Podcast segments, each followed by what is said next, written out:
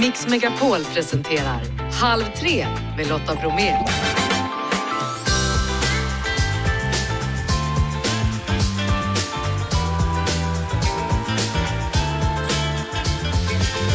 Hallå där och varmt välkommen in i Halv tre-studion. I dagens onsdagsmix, Axel Schylström från Idol till Mello. Denna gång då med Gorgeous. Scouter, ett vårtecken kanske. Nicky Amini är dagens gäst och Bäst i test. Vi kollar in ett nytt ungdomsföretag. Denna gång handlar det om designade brandfiltar. Vi snackar omvändelseterapi och så hör vi om Oves kamerasamling. Ja, ni hör, nu kör vi! Hörrni, vi närmar oss den fjärde och sista delfinalen i Melodifestivalen. På lördag så ställer sig bland annat då Axel Kylström på melloscenen med sin låt Gorgeous. Hallå där Axel! Hej, hej! Hej du, hur står det till? Är det bra? Det står mycket bra till. Är på arenan och eh, repar lite grann inför lördag. Ja, hur, hur brukar du förbereda dig? Kommer familjen att heja på plats eller hur blir det? Ja, precis. Familjen kommer heja på plats. Sen är inte det del av mina förberedelser. Jag, jag firar faktiskt med att fylla 30 dagen innan eh, det här spektaklet. Så det blir ingen vidare, det blir ingen vidare 30-årsfest på, på fredag faktiskt. Nej, lugnt. men om du går vidare på lördagen kan, ju, kan du ju festa desto mer då tänker jag. Då kan det eventuellt bli en, en 30-årsfest. Absolut. Eh, vad har du lärt dig från tidigare framträdanden i Mellon? Eh, jag har väl framförallt lärt mig att man inte behöver vara stressad över hur repen går idag. Eh, det är ganska lång tid tills lördag och det går att reparera det som inte riktigt stämmer idag. Så jag är väl ganska lugn i att allt inte är helt klart än. Mm. Eh, din låt då heter Gorgeous, vad handlar den om? Den handlar väl i grund och botten om att man ska bli vän med sig själv och hur man ser ut. Det är en här lärdom som jag har dragit av, av livet med, med brännskador. Ja, vi har, vi har ju träffats du och jag och vi har pratat om, om det där tidigare. Liksom, hur lång tid har det tagit för dig att acceptera att, att de här ärren har du med dig resten av livet? Det, det har väl kommit liksom bitvis. Eh, steg ett var väl att, att överhuvudtaget våga synas, våga gå utanför dörren och eh, sen, sen har det ju liksom varit ganska många steg till att man står på Melodifestivalen scenen blottad och, och verkligen sjunger om det. det. Det har ju tagit sin tid men eh, ja, det har, det har varit en tuff resa. Mm. Eh, jag, jag vet att det, det är svårt att lära sig att tycka om sig själv oavsett om man är eller inte. Ehm, Och det finns ju ärr på insidan också vet du. det gör det också och som sagt det finns utseendekomplex hos, hos alla. Det behöver inte vara ärr. Alla har väl någonting som de kanske stör sig lite på i sitt utseende och som, Mm. som, ja, som skaver lite. Så att, Vi- nej men det, det, det tog tid. Det gjorde. Vilken textrad är den viktigaste i låten? Ehm, Don't you dare talk to, talk to yourself like that, sjunger jag när, efter att ha sagt ehm, att man inte ska vara så hård mot sig själv och att ja, våga inte prata om dig själv på det sättet. Man ska, och sen you're gorgeous efter det. Låter Den, som, den är stark. den är stark ja. Ja, jag tycker det. Allt gott inför lördag då, Axel? Ja, tack. Jag ska göra mitt bästa. Det tror jag blir jättebra det. Tack för nu och lycka till med Gorgeous på lördag alltså. Axel Tack. Hej hej! Halv tre med Lotta Bromé på Mix Megapol. Idag hörni, så är det alla scouters dag och i en tid av oro då så kan det ju vara härligt att höra att de i alla fall firar genom att uppmärksamma internationell gemenskap denna dag. Och med oss nu scouten Linnea Wedelin. Hej! Hej! Jag trodde du skulle svara alltid redo. Ja, nej. Hur ofta, hur ofta använder man sig av det? ja, inte sådär eh, som hälsningsfras. Det kan hända att man eh, säger det ibland. Men eh, ja, Ja. Du, hur gammal var du när du började med scouterna? jag var tio år. Så det är några år sedan och det har jag hängt kvar. Vad Sen är det som har gjort att, att du har velat vara scout i över 20 år? Ja, alltså när jag började eh, på scouterna så var det ju en fritidsaktivitet som framförallt var väldigt kul. Alltså jag hade superkul när jag var på scouterna och fick träffa en massa kompisar och testa på saker som jag inte fick göra någon annanstans. Liksom. Och sen ju äldre jag har blivit så har jag också upptäckt att det finns eh, möjligheter till en massa andra äventyr i både i Sverige och i världen och väldigt mycket möjligheter att ja, hitta på kul äventyr. Och så Ja. tycker jag det är kul att vara utomhus och syssla med friluftsliv och så såklart. Alltså jag var med i Mulle och sen var jag med i Skogsdrövarna. Och Ja. sen tror jag var med ett tag på, i, i scouterna, i IOGT NTOs scouter. Ja. Men då skulle man skriva på ett papper och då blev jag helt förskräckt för att jag kunde inte lova evig nykterhet när jag var 11 år kände jag. Nej, det kan ju vara svårt Ja. eh, att, att lova det såklart, men Mm. det är ju eh, man får vara med i scouterna ändå, även om man inte kan det. Skönt. Så, du får komma tillbaka nu kanske? Precis. Du, vad är det för aktiviteter som är roligast då? Ja, alltså för min del så tycker jag det roligaste med scouterna är ju eh, det som vi fokuserar lite extra på idag med den internationella gem- gemenskapen, att scoutrörelsen finns i hela världen. Och att det ger möjlighet till att så här åka på scoutläger i andra länder och få en massa kompisar från, ja, typ Australien eller Argentina eller USA. Eh, Så. Det är det allra roligaste för mig men det är också fantastiskt kul att eh, få, ja, få vara utomhus och upptäcka naturen i Sverige och sova i tält och träffa kompisar och så. Du, du jobbar ju för scouterna då och så är Ja. du dessutom ledare. De Ja. som du är ledare för, hur gamla är de och vad gillar de? Eh, De som jag är ledare för är mellan 12 och 14 år gamla. Så det är ett eh, fantastiskt roligt gäng ungdomar som eh, tycker det är kul att vara utomhus och de tycker det är roligt att elda och eh, laga mat till exempel över öppen eld eller så tycker de det är kul att så här få olika lagom kluriga uppdrag som de ska lösa tillsammans och få vara självständiga lite grann. Så. Hur, skulle du säga att scouterna har utvecklats då, sen du började, när du var i den åldern?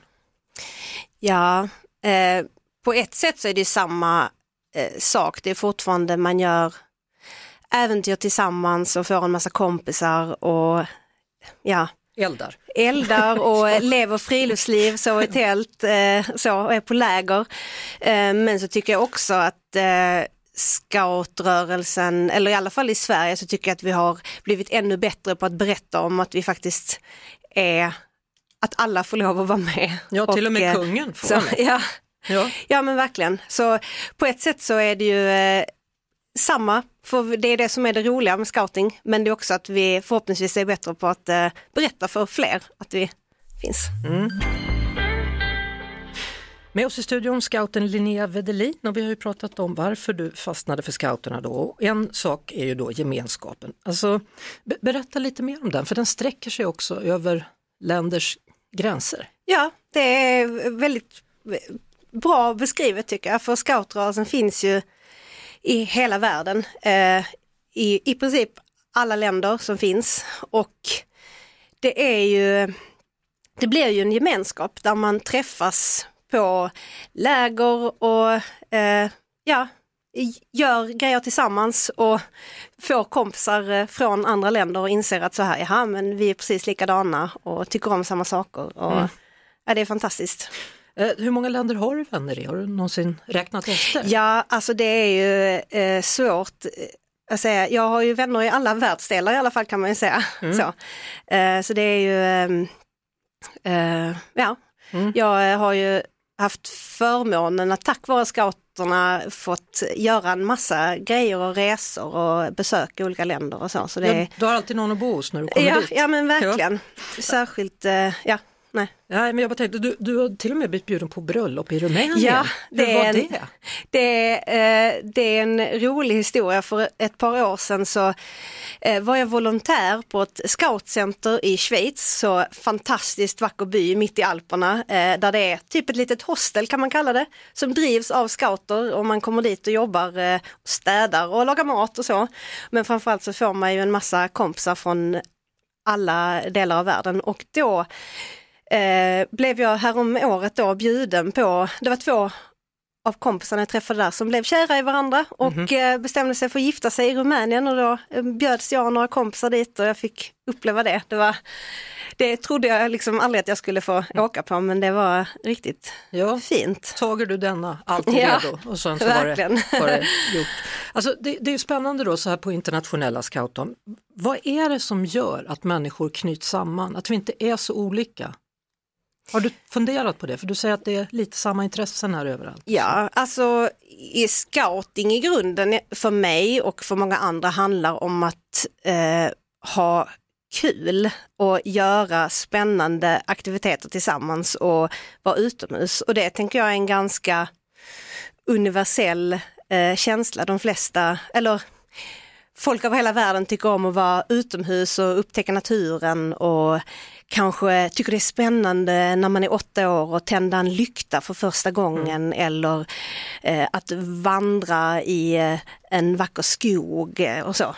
Men vi är inte så olika egentligen. Nej, nej. Det är egentligen inte svårare än så att man, eh, och alla tycker det är kul att träffa nya kompisar och skratta och tramsa tillsammans. Så, mm. så det behöver inte vara så komplicerat egentligen faktiskt. Så om man nu blir intresserad här av att bli scout, hur gör man? Mm. Ja, alltså det, vi finns ju in, över nästan hela Sverige. Så jag skulle rekommendera att man går in på scouternas hemsida och letar upp var den närmsta scoutkåren finns och kontaktar dem. Och det är viktigt att säga att om man nu sitter och lyssnar på det här och tänker, ja men jag är för gammal för att vara med i scouterna. Nej, nej, nej, det är det bästa. Det tar liksom aldrig slut. Man, kan, det, man får vara med på precis lika mycket roliga äventyr som vuxen när man är scoutledare. Stort tack för att du kom hit och berättade ja. och eh, glad alla scouters dag då tack antar så att man mycket. säger. Linnea Wedelin. Ja. Halv tre med Lotta Bromé på Mix Megapol. Marknadsförare, före detta jurymedlem i Idol, föreläsare, författare, mamma, aktuell i Bäst i test. Välkommen Nicky Amini. Ja men tack, vilken intro. Ja, kanske inte nödvändigtvis i den ordningen eller vilken ordning vill Nej, du ha? Nej, det är en stökig ordning, det är knappt att jag håller koll på den själv. Senast som vi, vi träffades så här på riktigt, då var du faktiskt gravid. Är det så? Ja, ja kanske jag var. Tiden går så fort. Ja den gör det. Nu har du en dotter då, Nilo, som är tre år och fyller fyra va? Ja, i år fyller hon fyra. Var det som du trodde att bli mamma? Det är väldigt omfattande att bli mamma. Man förstår liksom inte omfattningen innan man väl har sitt barn i famnen och i livet. Eh, men hon är en härlig tjej, hon har en väldigt stark vilja, oklart vart hon har fått den ifrån. Säger hon och tittar på mig med en bestämd blick. Ja, men, men är det som du, alltså att vara det, nu är du ju mamma. Ja. ja. Är det då som du trodde? Jo men mer eller mindre som sagt, alltså det är ju svårt att förstå hur det påverkar vardagen och livet i stort. Eh, men det är ju oerhört härligt. Eh, sen som sagt, hon är ju tre så det är ju diskussioner morgon och kväll om enkla saker som måste göras. Borsta hår, borsta tänder, klä på sig. Vem väljer hennes kläder? Ja, och det, hon är ju stor tjej nu. Mm. Hon måste välja själv. själv ja. ja. Mm. Gör hon det? Vill hon det? Är hon intresserad? Ja, ja, hon gör det. Ja. Och sen, jag säger ju inget, jag säger bara vad fint. Oavsett vad hon tar på sig? Kanske inte alltid jättefint men hon... Men du vill gärna att hon ska känna sig fin i alla fall? Ja men alltså mitt fokus är ju på att bygga självkänsla. Mm. Eh, och då ska jag vara uppmuntrande. Sen så finns det ju gränser för det också. Man kan ju inte uppmuntra vad som helst. Men just det här med klädsel har ju ingen större betydelse så det flyger. Alltså vad är bästa tipset på det? För jag tänker det hänger lite ihop med ditt gamla jobb där när du hjälpte till att marknadsföra artister ja. också som kan vara svajiga i, i sin självkänsla. Ja, alltså det, det, är någonstans att man måste hitta en grundtrygghet i sig själv. Och det är egentligen bara du som kan jobba fram den. Och i det, och sen ett litet barn har ju liksom lite andra förutsättningar än vad vuxna har. Att kunna analysera och reflektera. Eh, men, men jag tror att det är, ett, eh, det är liksom ett arbete man måste göra sig, med sig själv. Mm. Såklart hjälp och input från andra runt omkring. Mm. Eh, Peter Jöback var här igår och då pratade vi om det här med att, att bli förälder och hur mycket man eh, påverkas av sina egna föräldrar i sin nya roll då som förälder. Hur, hur har du påverkats av din mamma och pappa och hur ni hade det när du var liten? jag, jag tror, alltså jag, jag ser ju mig själv i mina föräldrar. Det var inte för så länge, några dagar sedan när min pappa satt och pratade och då kände jag, gud jag är ju precis som min pappa. Så jag bär mig, bär mig liksom med det omedvetet och sen hur jag för över det till min dotter vet jag att mina föräldrar var ju, det var väldigt mycket fokus på skola och bra betyg och att eh, man liksom ska göra rätt för sig och sånt och det bär jag väl med mig. Jag tycker att utbildning är viktigt. Mm. Men hon är ju tre. Hon är tre. Nu får hon en annan typ av utbildning hemma. Ja. Ja, vi ska prata mer om både barn men också det här med att uh, kasta sig in i nya saker. Mm. För lite sån är du, eller? Jo, men det, det är en rätt analys Lotta. Ja. Alltså, vill du ha fler barn? Oh, det är så trevligt. Alltså innan jag fick barn, efter att vi hade gift oss så var det så här, ska ni inte ha barn snart? Och nu har jag ett barn. Nu är det inte helt ovanligt att jag får frågan, ska ni inte ha ett syskon till er dotter? Ja, hur ska du ha det egentligen? Ja, men det, jag har tänkt på det här, för min, eh, min, min syster håller på att säga, min dotter, eh, hon är ju som sagt tre och de eh, är ju ganska intressanta i hur de reflekterar och pratar om saker. Eh, hon har ju märkt att många andra av hennes kompisar har syskon. Mm. Hon reagerar på det här. Hon frågade mig imorgon, eh, för hon tror också att man kan inte bli stor om man inte blir stora syster. Okej. Så sa hon, eh, jag vill ha syskon imorgon när jag försöker få henne att klä på sig och gå till förskolan. jag har liksom inte tid eller ork att ta den diskussionen nu. Och då säger hon, "Ja, men då kan jag väl få en kattunge eller en hund. Och så bara, Då funkar det. Då fortsätter det liksom, hon är smart. Och du svarar inte på frågan, du är smart. Ja,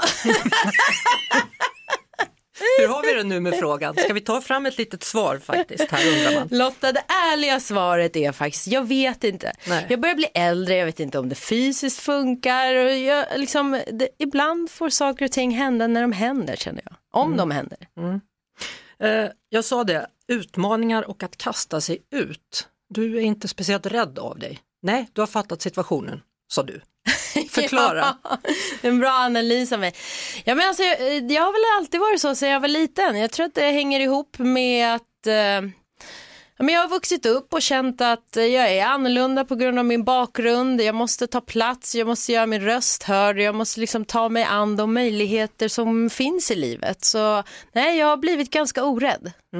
Akalla, hur var det att växa upp där? Det var fantastiskt.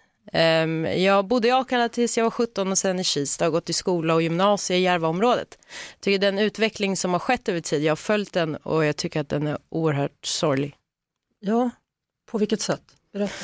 Alltså, det är liksom att det överhuvudtaget har tillåtits en sån här utveckling eh, över tid är tragiskt på många sätt eh, och att det liksom drabbar barn och unga ehm, så pass mycket som det gör idag är, fruktansvärt. Och, sen, samtidigt ska man ju komma ihåg att 99 procent av alla som bor i dessa som nu eh, områden som kallas för utsatta områden idag, eh, det är ju liksom vanliga hederliga människor som vill leva ett liv med liksom trygghet och ro och framförallt det finns så mycket kreativitet, potential och talang bland dessa unga.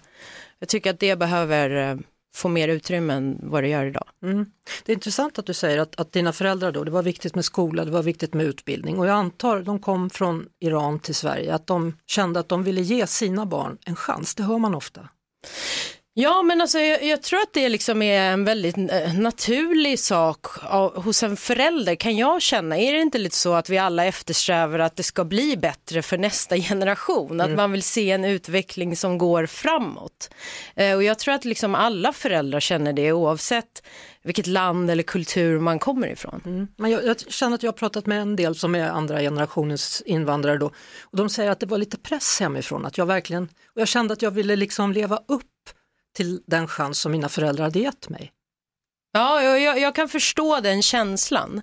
Eh, absolut, och jag tycker väl att det är väl också en förälders ansvar, vilket jag tror att alla tar, att man vill pusha sitt barn och, i rätt riktning. Och, och sen, alltså som sagt, utbildning är alltid någonting man kan falla tillbaks på, även nu i vuxen ålder. Eh, liksom kan det i många fall komma tillbaks på, men vad har du för utbildningsbakgrund liksom? Hur, hur många vänner har du kvar i Akalla?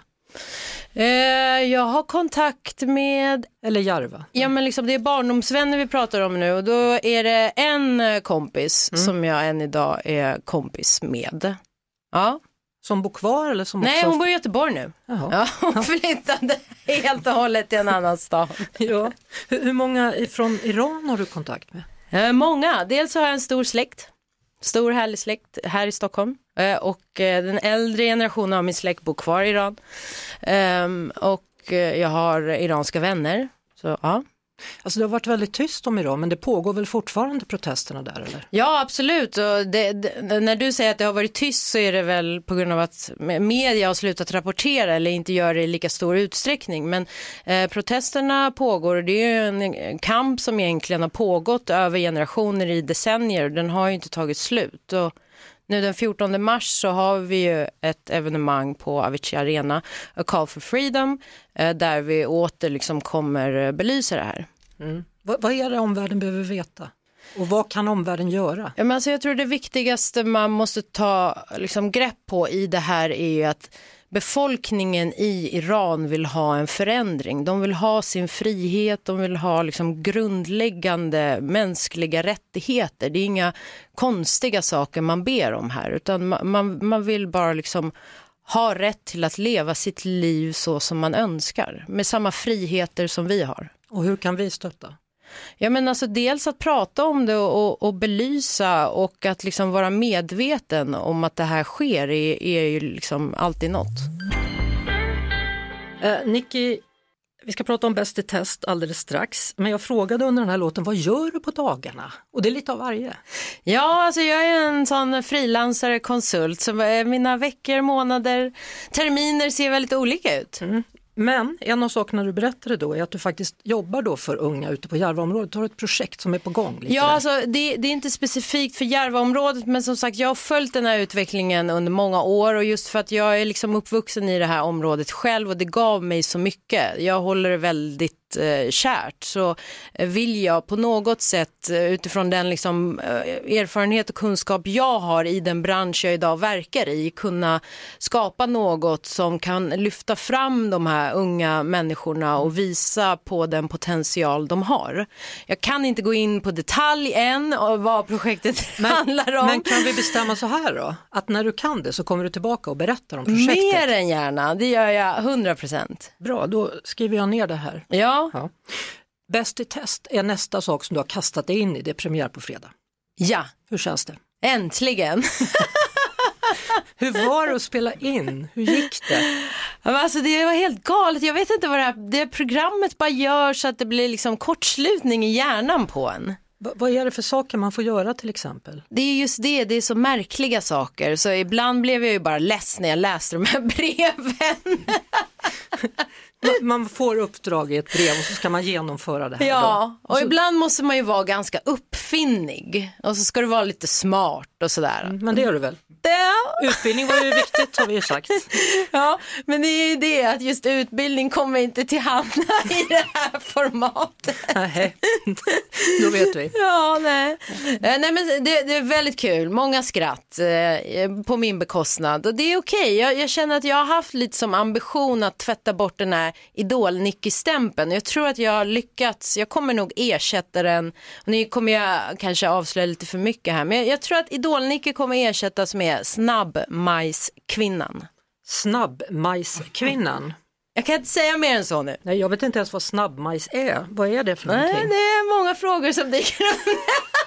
nu, har man mer, har man fler frågor än innan man ställde. Ja, kanske inte borde sagt det. Men jag, jag tror att jag har lyckats re rebranda mig själv. Jaha. Mm. Och var hamnar då expeditionen mitt i alltihopa det här? Var det via ju... den du? Ja, nej. Det var faktiskt så att David Sundin såg mig i ett SVT-program jag gjorde förra året som hette Klimatkampen. Mm. Och då så såg han väl en charm som glimtade fram där och kände att här har vi något att jobba med. här har vi någon som vill bli snabbmajskvinnan med hela svenska folket. Ja, vi tar fasta på det då och tittar på fredag tänker jag. Ja Eller? men det tycker jag man ska mm. göra. Jag har inte sett programmet själv, jag vet ju vad som kommer hända men man vet aldrig hur de klipper och klistrar ihop saker och ting. Men det kommer bli kul i alla fall. Det är bra. Och så kommer du tillbaka när du kan berätta mer om ditt projekt. Ja jättegärna, du kommer älska det Lotta, jag lovar. Härligt. Nicky Amini, dagens gäst, tack för att du kom. Halv tre med Lotta Bromé på Mix Megapol. Klockan är nio minuter över halv fyra och vi ska fortsätta vår serie med unga företagare. Eh, det är alltså unga företagare som vill göra skillnad i samhället och med oss denna dag då Olle Hjelm från Reliable Art. Hallå där och välkommen till Halv tre. Ja, hej, tack så jättemycket. Och det här är då ett UF-företag som erbjuder designade brandfiltar. Berätta mer. Ja, nej men det var så här när vi skulle starta upp vårt UF-företag så vill man gärna ja, hitta ett behov, vad kan funka och sen så kom vi att tänka på just brandfiltar. Vart har folk brandfiltarna hemma? Och när vi har ställt frågan så har vi fått, ja men jag vet inte, ja men den ligger i någon låda eller sådär. Alltså vi tänkte att ja, men vi, vi gör en riktigt snygg brandfilt som är stilren och funktionell så att den liksom smälter in i inredningen snyggt och på så sätt är lättillgänglig. Liksom. Så det blir en inredningsdetalj också samtidigt som det är en livsviktig sak? Ja men exakt precis. Vad, vad har reaktionerna varit? Har du? Nej, men vi har haft väldigt positiva reaktioner och folk har uppskattat vår produkt och tycker att den, eh, ja, men den är bra i tiden för att den passar in i många hem och det är väldigt viktigt att man har en brandfilt, speciellt nu under vintern när man har mycket ljus och sånt framme. Så nej, det har varit jättepositiva reaktioner. Mm. Hur, hur, kan den se ut på ett ungefär, om du beskriver den? Ja, nej men den är, eh, det är en brandfilt och sen så ligger den i en låda som ser ut som en bok ungefär. Mm. Som en coffee table book så att uh, du kan ha den i bokhyllan på ditt ja, vardagsrumsbord och sen så är det med lite guldiga detaljer och så mattsvart runt om så att den, ja, men den passar in i de flesta hemmen. Liksom. Mm. Eh, vad är nästa steg? Är det att designa skumsläckare? Mm, vi får se lite vad vi tycker om, sådär, eh, om det, men vi, vi vill absolut utveckla vårt varumärke och, och, och fortsätta efter, eh, efter UF-året. Ja, så ni fortsätter med det hela när ni har tagit studenten då, tänker jag? Ja, men det, det har vi planer på. Ja, då önskar jag er lycka till med det och tack för att du ville berätta, Olle. Ja, tack så jättemycket för att jag fick vara med. Hej, hej. Halv tre med Lotta Bromé på Mix Megapol. Och utredare Runar Viksten uppmanar nu rikspolischefen Anders Thornberg att sparka polischefen Mats Löving efter att ha utrett honom för jäv. Med oss nu kriminalreporter Fredrik Sjöshult från Expressen. I korta drag Fredrik, vem är Mats Löving och varför har man utrett honom för jäv? Mats Löving har varit ställföreträdande rikspolischef. Han har också varit chef för polisens nationella operativa avdelning, alltså det som kallas för rikskrim tidigare. Eh, I den rollen så anställde han då Linda Staff som eh, underrättelsechef. Och senare har det då visat sig att de har haft en relation under tiden som han har varit hennes chef. Men då har man då utrett detta, kollat på vad han jävig när hon anställdes. Så det har kommit fram till att ah, det är nog inte riktigt klart eftersom man vet inte om de hade ett förhållande då. Men han har han har gjort andra grejer. Då. Han har höjt hennes lön, han har gett henne rätt att bära vapen, han har gett, att, uh, rätt, henne, gett, gett henne rätt att uh, utföra en bisyssla, skriva en deckare.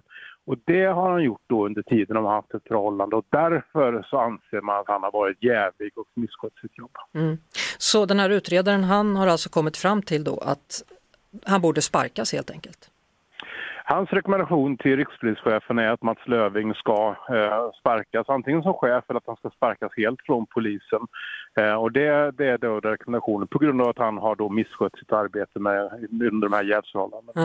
Ja. Eh, och vad har rikspolischefens reaktion varit efter utredare Runar Vikstens pressträff där han då uppmanades att sparka Löving? Han säger att han ska ha ett samtal, ett arbetsrättsligt samtal med Mats Löving. Han har tidigare konfronterat Mats Löving med de uppgifterna om att han skulle ha ett, han skulle haft ett förhållande med eh, Linda Staaf. Då har Löving sagt att det stämmer inte, han har nekat till sten till detta.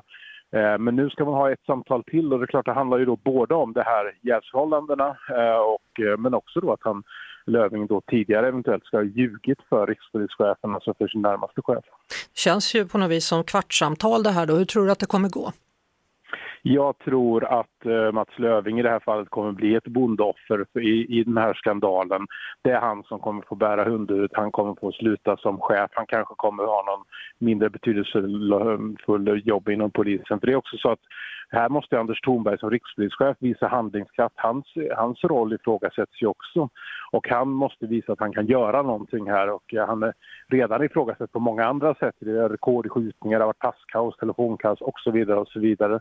Eh, och det här kan inte bara ligga och bubbla utan här måste han göra någonting. Hur mycket skadar det här eh, svenska medborgares förtroende för polisen? Det är klart att det skadar eh, förtroendet för polisen men det finns ju en känsla att polisen har tappat kontrollen i vissa områden där det skjuts och bombas eh, hej vilt. Man, man kan liksom inte ens fixa pass, det går inte att ringa till polisen och dessutom så den här typen av affär och härva som då är högst upp i den yttersta polisledningen, det är klart att det inte är bra för polisen. Här måste ju Thornberg göra något men jag tror jag tror att hans dagar dock är räknade för han känns väldigt mycket som en lame duck just nu inom, inom polisen. Tack så mycket kriminalreporter Fredrik Sjöshult från Expressen.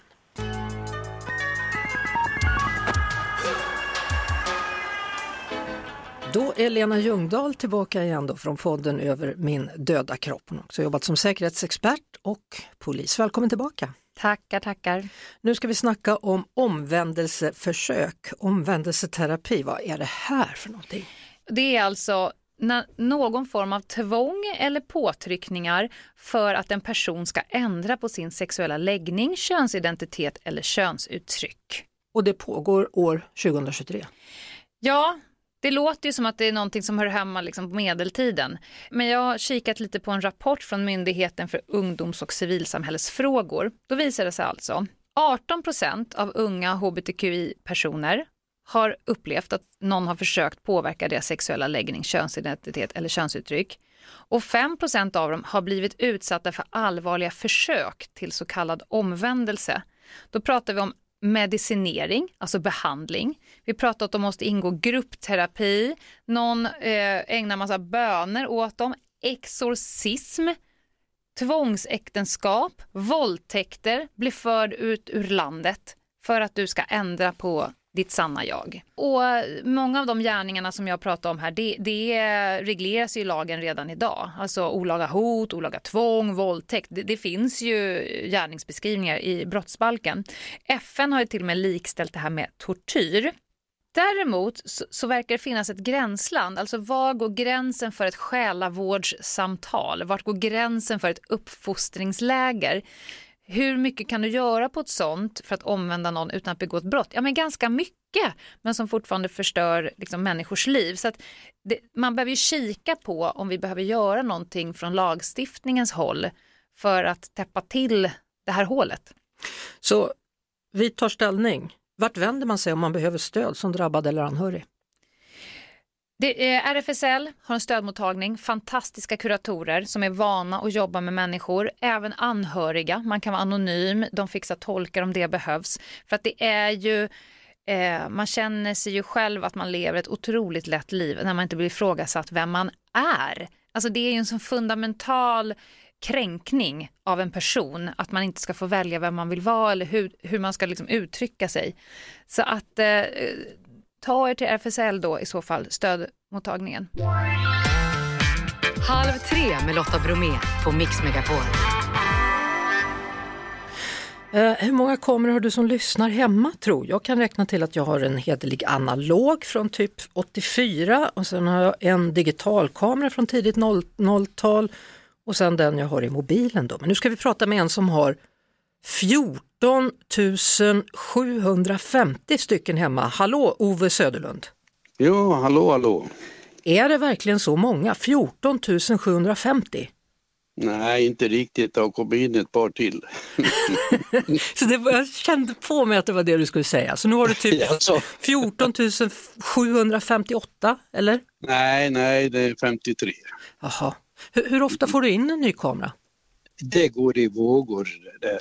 Ja. Det beror lite på hur mycket jag är ute också på loppisar och sånt där, aktioner. Och... Minns du vilken din första kamera var? Ja, den första jag köpte det var ju en Brown. Ja, vad var speciellt var... med den? Nej, det var väl vad som min, min ekonomi tillät på den tiden då. Ja, hur håller du... Och det var ju en stabil kamera på den tiden. Var det.